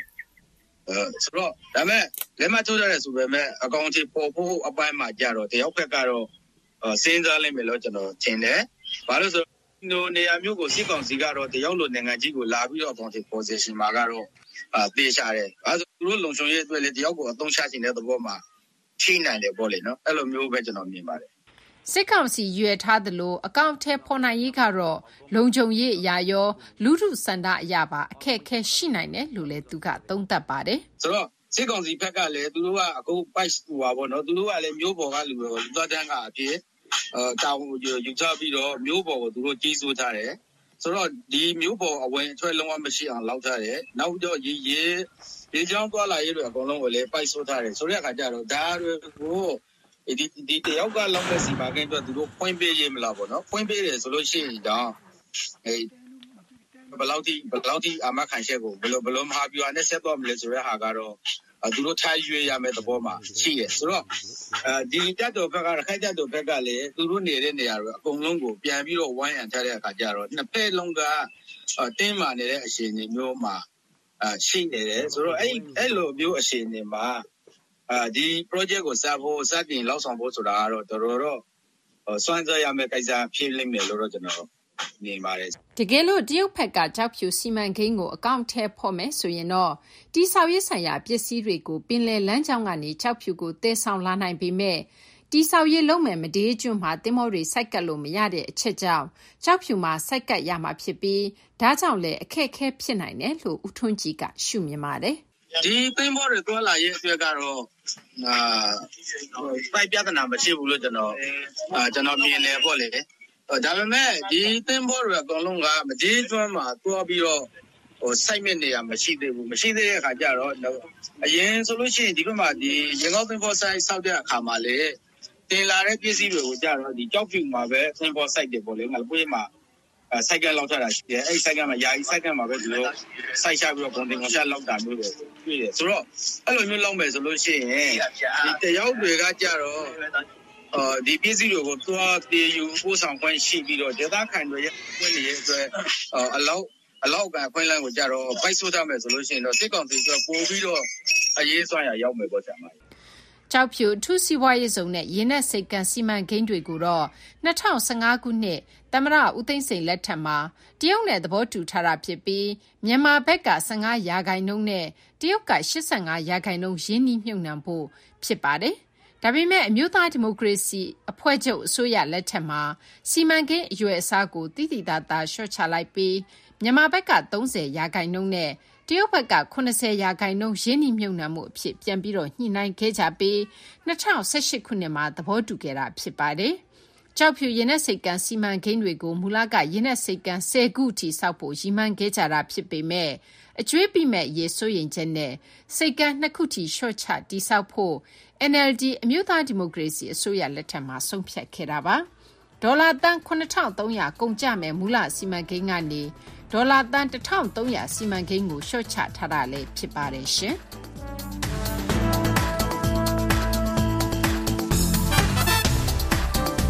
မသိင်္ဂီထိုက်စုစည်းတင်ပြခဲ့တဲ့စီးပွားရေးကဏ္ဍပါရှင်အခုဆက်ပြီးတော့လူမှုရှုခင်းအစီအစဉ်ကိုတင်ဆက်ပေးကြပါမယ်ဓာတ်ပုံနောက်ွယ်ကသမိုင်းများဆိုတဲ့ခေါင်းစဉ်နဲ့တင်ဆက်ထားပါတယ်မြန်မာနိုင်ငံမှာစစ်ဖြစ်ပွားနေတဲ့နေရာတွေကိုကိုယ်တိုင်သွားဓာတ်ပုံရိုက်ကူးခဲ့တဲ့ဓာတ်ပုံသတင်းထောက် YAT ကဓာတ်ပုံတချို့နဲ့အဲဒီဓာတ်ပုံတွေနောက်ကွယ်ကအကြောင်းတွေကိုမစုမြတ်မွန်ကိုမျှဝေထားတာကိုဒီသီတင်းပတ်ရဲ့လူမှုရှုခင်းအစီအစဉ်မှာစုစည်းတင်ပြထားပါတယ်။ မြန်မာနိုင်ငံမှာ2021ခုနှစ်စစ်တပ်အာဏာသိမ်းပြီးနောက်ပိုင်းစစ်အာဏာသိမ်းအုပ်ချုပ်တာကိုလက်မခံသူတချို့ကဒီလက်နက်ဆွဲကင်တော်လှန်နေကြတာကထူးခြားတဲ့သမိုင်းစာမျက်နှာတစ်ခုဆိုတာကိုညင်မရပါဘူး။အဲဒီလိုသမိုင်းအချိုးအကွေဖြစ်ရပ်တွေကိုသတင်းထောက်တွေအပါအဝင်နယ်ပယ်ဆောင်ကကျွမ်းကျင်သူတွေကအမြဲမပြတ်လေ့လာမှတ်တမ်းတင်နေကြပါတယ်။ဓာတ်ပုံသတင်းထောက် YAT ကလည်းစစ်ပွဲဖြစ်နေတဲ့နေရာတွေကိုကိုယ်တိုင်သွားပြီးတော့မှဒီဓာတ်ပုံမှတ်တမ်းတွေတင်နေပါတယ်။ ပြီးခဲ့တဲ့3နှစ်အတွင်းသူမှတ်တမ်းတင်ထားတဲ့ဓာတ်ပုံတွေကတချို့ကို VOA မြန်မာပိုင်းကိုမျှဝေပြီးတော့ဓာတ်ပုံတွေရဲ့နောက်ွယ်ကဖြစ်ရပ်ကိုပြောပြထားပါတယ်။ဒီပထမဆုံးဓာတ်ပုံကတော့2021ဒီဇင်ဘာ24ရက်နေ့တုန်းကစစ်ဘေးကနေလွတ်အောင်ထွက်ပြေးသူတွေကိုဖရူဆိုမြို့နယ်ကမိုဆိုမြို့မှာစစ်တပ်ကဒီအစုလိုက်တပ်ဖြတ်မိရှို့ခဲ့ပြီးတဲ့နောက်အဲ့ဒီနေရာရောက်သွားချိန်ရိုက်ဖြစ်ခဲ့တဲ့ဓာတ်ပုံတွေကတပုံဖြစ်တယ်လို့ဓာတ်ပုံသတင်းတောက် YAT ကအခုလိုပြောပြထားပါတယ်။ ဒီပုံကကျွန်တော်ဒီမောဆိုးရှိရဒီမူဆိုဟိုရွာနာမှာဖြစ်တဲ့အစုလိုက်ပြုံလိုက်ပေါ့နော်လူတွေတက်ခံရတဲ့ကျွင်းကြံတွေပေါ့စစ်ကောင်စီဘက်ကစစ်ပေးရှောင်တွေကိုဖမ်းတားတယ်တားပြီးတော့တဲ့အချိန်မှာအဲသူတို့တက်ပြီးတော့မီးရှို့ခဲ့တယ်ပေါ့နော်ဟောအဲ့အဲ့ဒီကိုဟိုရောက်တော့ကြားဘလောက်မဘလောက်ဆိုပြီးတော့သူတို့ကပြောပြရှင်းပြရင်တန်လန်းတယ်တော့ကလေးလေးပါပါတယ်ပေါ့နော်အဲ့ဟာဟိုဟိုပထမဆုံးရောက်တဲ့လူတယောက်အဲ့လူကရှင်းပြတယ်အဲ့ကလေးလေးရဲ့ခေါင်းဆိုရင် တေးသေးလေးပဲရှိရပေါ့နော်အဲဘောလုံးသေးသားလောက်ပဲရှိရပေါ့နော်မဲတူးနေဘာမှတော့မမြင်အောင်ဒါပေမဲ့ခေါင်းလေးကအလောက်လောက်လေးပဲရှိရပေါ့သူတို့ခံမှန်းကြတော့လာသားလို့တော့ပြောတာပေါ့နော်အဲအဲ့ချိန်မှာကျွန်တော်လည်းအဲ့ဒါကိုတပုံပိတ်ရိုင်နေတန်တယ်ဒီအောက်မှာကြာနေတဲ့ကလေးအင်ကြီးလေးအနှွေးတွေလေးကိုကျွန်တော်တွေ့ရပါတော့နော်သူတို့အသက်ခံရတဲ့အချိန်မှာဒါ Christmas Eve မှာပေါ့နော်သူတို့ဒီ အဲအစုလိုက်ပြုံလိုက်တက်ခံလိုက်ရတာပေါ့နော်အော်အဲ့ဘက်ချမ်းအရန်အေးရဆိုဒီအနွေးတွေလေးကိုတွေ့တဲ့အချိန်မှာဒီကလေးလေးရဲ့နောက်ဆုံးနွေးတယ်လေးပြီးပြီးဖြစ်မယ်လို့ကျွန်တော်လည်းယူဆတာပေါ့နော်ဟိုဒီအနွေးတယ်လေးကအဲ့လိုမျိုးအဲ့အဲ့နေရာလေးမှာတင်နေတာပေါ့အဲ့နေရာလေးမှာတင်နေတော့ကျွန်တော်လိုက်ကြည့်ရင်တန်လန်းနဲ့အဲ့အနွေးတယ်လေးရဲ့ဘေးနောက်ဘေးနောက်မှာရှိနေတဲ့ပန်းတွေရဲ့အဲပြီးတော့ဟိုအဲ့နေရာတွေကတကယ်တမ်းဆိုအရန်လှတဲ့နေရာတွေဗျအရန်အေးချမ်းပြီးတော့အရန်လှတဲ့နေရာတွေဗျ ပန်းနေဆိုတာလေအဲ့လိုတောပန်းနေရာလေအများကြီးပွင့်ဝါပန်းတွေရောတောပန်းတွေရောတောင်တန်းတွေရောအရန်လှတဲ့နေရာပေါ့နော်အရန်လှတဲ့နေရာမှာဒီလိုရုပ်ဆိုးကြီးတန်တဲ့ဟာကြီးတခုကိုကျွန်တော်တွေ့တဲ့အချိန်ကြတော့အမကလေးရဲ့အင်ဂျီလေးကိုကကျွန်တော်တွေ့တော့စိတ်ထဲမှာလုံးဝဟိုအဲ့အဲ့နေရာမှာတော်တော်ကြီးကိုဟိုအာဆိုပြီးတော့ဖြစ်သွားတာပေါ့နော်ပြီးတော့အဲ့ကလေးအင်ဂျီလေးနဲ့အဲ့အနောက်ခံဟိုသူတို့မီးရှို့ခံရတဲ့ကားတွေနဲ့ကျွန်တော်တွဲပြီးတော့တပ်ပုတ်ရိုက်ဖြစ်လိုက်တာပေါ့အစုလိုက်ပြုံလိုက်တက်ခံရတဲ့နေရာတစ်ခုပါ ကလေးငယ်၄ယောက်အပါအဝင်ဒီစစ်ပြေးဒုက္ခတွေ30ကျော်တပ်ဖြတ်ခံခဲ့ရတဲ့မိုးဆိုကျေးရွာဖြစ်ရမှာသူပတ်တန်းတင်ထားတဲ့ဓာတ်ပုံတစ်ပုံဖြစ်ပါတယ်။အခုလိုမျိုးဒီဆေးရုံတွေစာတင်ကျောင်းတွေပါမချမ်းစစ်တပ်ရဲ့လေကြောင်းကနေတိုက်ခိုက်ဘုံကျဲတဲ့ရန်ရှိတာမို့အိုးအိမ်ပြေထွက်ပြေးနေကြရတဲ့စစ်ပြေးဒုက္ခတွေဟာညပစ်တွေကြားလို့ရှိရင်လည်းဒီဘေးလွတ်မဲလို့ထင်တဲ့နေရာတွေမှာအိတ်ကြရပါတယ်။အဲဒီခါကျရင်လည်းတခြားအန္တရာယ်တွေကြုံရတာကိုဓာတ်ပုံသတင်းတောက် YAT ကဓာတ်ပုံရိုက်ယူမှတ်တမ်းတင်ထားပါတယ်။ ဒီပုံကကျတော့ကျွန်တော်ရောက်သွားတဲ့အချိန်မှာအာစပီးရှောင်စကန်ရောက်နေတဲ့စပီးရှောင်တွေပဲအဲ့ဒီကအာကလေးတွေကညဘက်ဆိုရင်သူတို့တွေကအထုတ်ပြီးဘူးတယ်ရောဟာရောတယ်လာပြီးတော့ဟောဒီကြောက်တူတွေမှာသွားအေးရတယ်ပေါ့နော်အဲ့ကြောက်တူတွေမှာလည်းအကောင်ပကောင်လေးတွေရှိတာပဲဗျပင့်တူလိုအကောင်မျိုးတွေခါကြံလိုအကောင်ကြီးကြီးတွေရှိတယ်ပြီးရင်ခါအင်းဆက်တွေလည်းရှိတယ်ပေါ့နော်သူကကြောက်တူတွေမှာအေးနေတဲ့အချိန်မှာသူကလင်းတန်နဲ့ပုံပြီးလိုက်တာရဲ့အခါကျွန်တော်တို့ဘာလဲလို့ဒီလိုက်တော့သူ့လူတွေ အဲ့ပင့်ပြောရတယ်အသိကြည့်ကောင်းလည်းရှိတယ်မရှိကောင်းလည်းမရှိဘူးဒါပေမဲ့အေးရအကျင့်တူတွေကြောင်းပြင်းမှာအေးရဲမှာဆိုတော့လည်းမအေးရဲဒီကောင်ဒီဘက်ကကျတော့ည2နာရီတို့3နာရီတို့အဲ့လိုအချိန်မှာလည်း3နာရီအဲ့တော့သူတို့အနေနဲ့ကလည်းအပြင်မှာလည်းအိမ်ကြီးတွေအိမ်ကြောက်ရတယ်အပြင်မှာအိမ်လေးဆိုလည်းကျွန်တော်ပြောတယ်သဘာဝအေးရကြောက်ရတယ်ကွာဒီကလေးကောင်လေးဒီရောက်တိုင်းမှာကျွန်တော်ဝမ်းနေတော့တွေ့ရတာကလေးတွေအကုန်လုံးကနေတယ်နှိုးနေပြီးတော့နေနေကြောက်ရွံ့နေတယ် အဲ့ဒါကိုလည်းပို့ပြီးတော့တတိထားမိတယ်ပေါ့နော်အဲ့ဒါကိုတပုတ်ရိုက်တဲ့ပြင်မှာလည်းအဲ့အဲ့ဒီခါလေးတပုတ်ရိုက်တာပေါ့စစ်ပွဲတွေဖြစ်နေတဲ့နေရာမှာသတင်းယူကြရတဲ့သတင်းတောက်တွေဓာတ်ပုံသတင်းတောက်တွေကင်မရာမန်တွေအနေနဲ့လည်းသိအန္တရာယ်များတယ်ဆိုတာကိုနောက်ထပ်ဓာတ်ပုံတစ်ခုကသက်သေပြနေပါတယ်အဲ့ညကလည်းမမရန်ကကျွန်တော်တို့2နာရီခွဲလောက်ကြီးပါအဲ့လိုတင်းနေတဲ့ကြားရတယ်တင်းနေတဲ့ကြားတော့ကျွန်တော်နဲ့ဒီနားမှာရှိတယ်ပြောပုံနေရတယ်သူကလမ်းပြီးတော့လှုပ်လိုက်တာနဲ့ကျွန်တော်လည်းတင်းနေတဲ့ကြားရတယ် ပို့ပို့ပြီးတော့ဝက်လိုက်တယ်တိတ်မကြောက်ဘူးစက္ကန့်လားစက္ကန့်6စက္ကန့်လောက်ပဲကြာတယ်ဘုံအဲ့လိုမျိုးကြာတယ်ပုံအားဘုံကြာတယ်ဖြစ်ဖြစ်တဲ့အခါတွေက10မိနစ်မကြာဘူးပေါ့နော်ဒါပေမဲ့အဲ့10မိနစ်ဆိုတဲ့ဒီစက္ကန့်60လောက်ကြီးကတစ်ခါလောက်ကြာတယ်ကျွန်တော်တို့ကကြတော့အော်အဲ့လိုလေးငယ်နိုင်ကြီးက site ဆင်းလာတယ်ဘုံကျဲသွားတယ်ပြီးပြန် why why ပြန် site ဆင်းလာတယ်အဲ့အဲ့အဲ့အတန်ကြီးနဲ့နောက်ွယ်မှာပါပါဆက်ကြတယ်တယောက်ထိသွားတယ်တယောက်ထိသွားတယ်ဆိုတဲ့အတန်ကြာတော့ တယောက်ထိသွားပြီဆိုတော့အကြည့်ရလူကဟာဘယ်လိုထိရတယ်ဘယ်လိုထိတာဘူးမှမသိဘူးအဲ့ထိသွားတဲ့လူဆိုတော့တဲ့ထုတ်သွားတဲ့ထုတ်သွားရင်လည်းအဲရှူလေးတစ်ခုချားတယ်ကိုကြောက်တာပေါ့နော်ကျွန်တော်တို့လည်းအဲ့ဒါကိုပြီးပြီးတော့အော်ဘယ်သူများပြီးရတယ်ပို့ပြီးတော့သွားရင်လည်းကျွန်တော်အဲ့ဒီညမှာအိတ်တယောက်ကိုတော့ပုံရိုက်ဖြစ်တာပေါ့နော်တကယ်လည်းတစ်စက္ကန့်လောက်တာနောက်ကျပြီးတော့ဒါမှမဟုတ်တစ်စက္ကန့်လောက်တာစောပြီးတော့သူကျဲခဲ့မယ်ခေဆိုရင်အဲအကုန်လုံးပါနိုင်တယ်ကျွန်တော်တို့လည်းပါသွားနိုင်တယ်ပေါ့နော်အဲအဲ့တော့ စက္ကန့်လေးတစ်ခုက live ပြီးအများကြီးကိုကြောင်းလဲသွားနိုင်တယ်ဆိုတဲ့ဟာဟိုအဲ့မှာစစ်ပွဲတွေဖြစ်သွားတဲ့နေရာမှာဒီတိုက်ပွဲတွေကြားညံ့နေတဲ့သူတွေကိုမရရအောင်ကယ်ဆယ်တဲ့ဒီဆရာဝန်တွေစေချောင်းသားတွေပါတဲ့ရဲရဲနဲ့အဖွဲ့တွေကိုလည်းသူမြင်တွေ့ခဲ့ရတယ်လို့ဓာတ်ပုံသတင်းတောက်ကပြောပြပါတယ်။အန်ဒီယေကိုဂယုမဆောက်ပဲဒီနောက်ဆုံးအခြေအနေပေးတဲ့အထိပိတ်မိနေတဲ့ပြည်သူတွေဒဏ်ရာရနေတဲ့သူတွေကိုတရားမကြံကယ်ဆယ်ဖို့ကြိုးစားတဲ့ Mobile Rescue Team ကိုမှတ်တမ်းတင်ထားတဲ့ဓာတ်ပုံတစ်ပုံဖြစ်ပါတယ်။ကျွန်တော်အဲ့ကြောက်သွားပြီးတိတ်မကြောက်ဘူးနှစ်ယောက်ထိလာကြားတယ်သူတို့အဲ့ဒါသွားမယ်ဆွဲထုတ်မယ်ဆိုတော့ okay အဲ့ကျွန်တော်လည်းလိုက်လို့ရမှာဆိုတော့သူတို့တက်တက်တက်ကြားတယ်ကောက်ဝလိုက်ကြာတော့အန်နေများနေကြားတယ်ကျွန်တော်လိုက်လိုက်နေတယ်ကျွန်တော်ကောက်ဝတက်ကောက်ဝတက်ပြီးတော့အဲ့ဒါသူတို့နဲ့လိုက်တယ်အဲ့တော့ဒါမိုးရက်တာပြောမှာတော့ကိုရောက်တဲ့အချိန်လေးကြတော့ဟိုမိုးရွာတယ်လို့အတူလို့ပြစ်တာကြမိုးရွာတဲ့အပြင်သူကအလှူလူပြစ်တာအဲ့ လက်နဲ့ကြီးကမိုးရွာနေလို့ပြောရတယ်ဝုန်းဝုန်းဝုန်းဝုန်းလို့ပဲခါလဲမှာကြီးကအဲ့ဒလက်တန်တွေကအရန်ကြောက်လို့တော့အဲဒါပေမဲ့အဲ့လူတွေကလုံးဝအဲ့နောက်ကဟိုဆွဲတော့ဖို့ပဲသူပြင်နေတယ်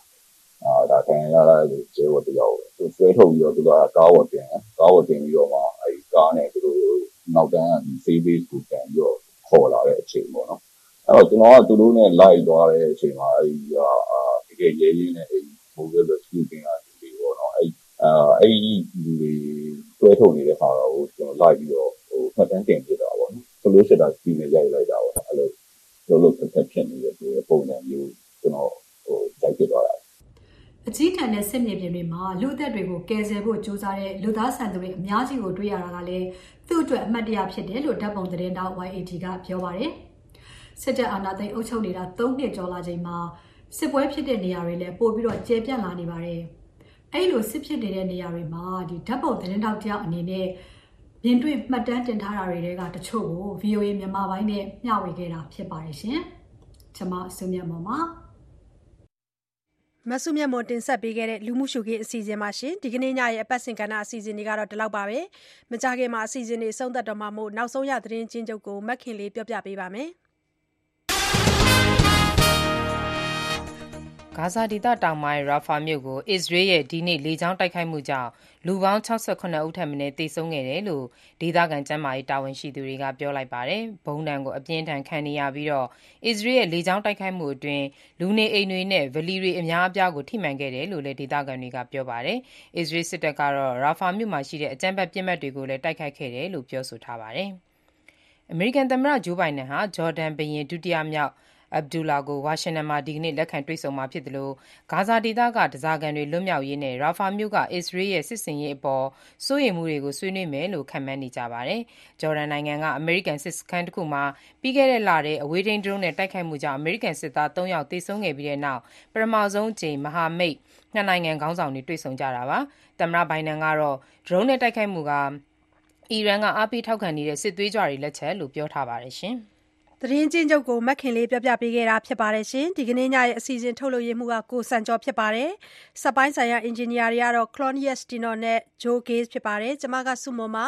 ဒီညအစီအစဉ်မှုဖြစ် တာဝန်ယူ တင်ဆက်ပေးခဲ့တာဖြစ်ပါတယ်ရှင် VOA ကို နားတော်ရဆင်ခဲ့တဲ့အတွက် ကျေးဇူးအထူးပဲတင်ရှိပါတယ် VOA ရဲ့ သောရရှင်များနဲ့တကွ မြန်မာပြည်သူပြည်သားအလုံး စိတ်ချမ်းသာကိုကြမ်းမှာဘေးပရာဝေးကွာလို့ လိုရာဆန္ဒတွေ ပြည့်ကြပါသေးရှင်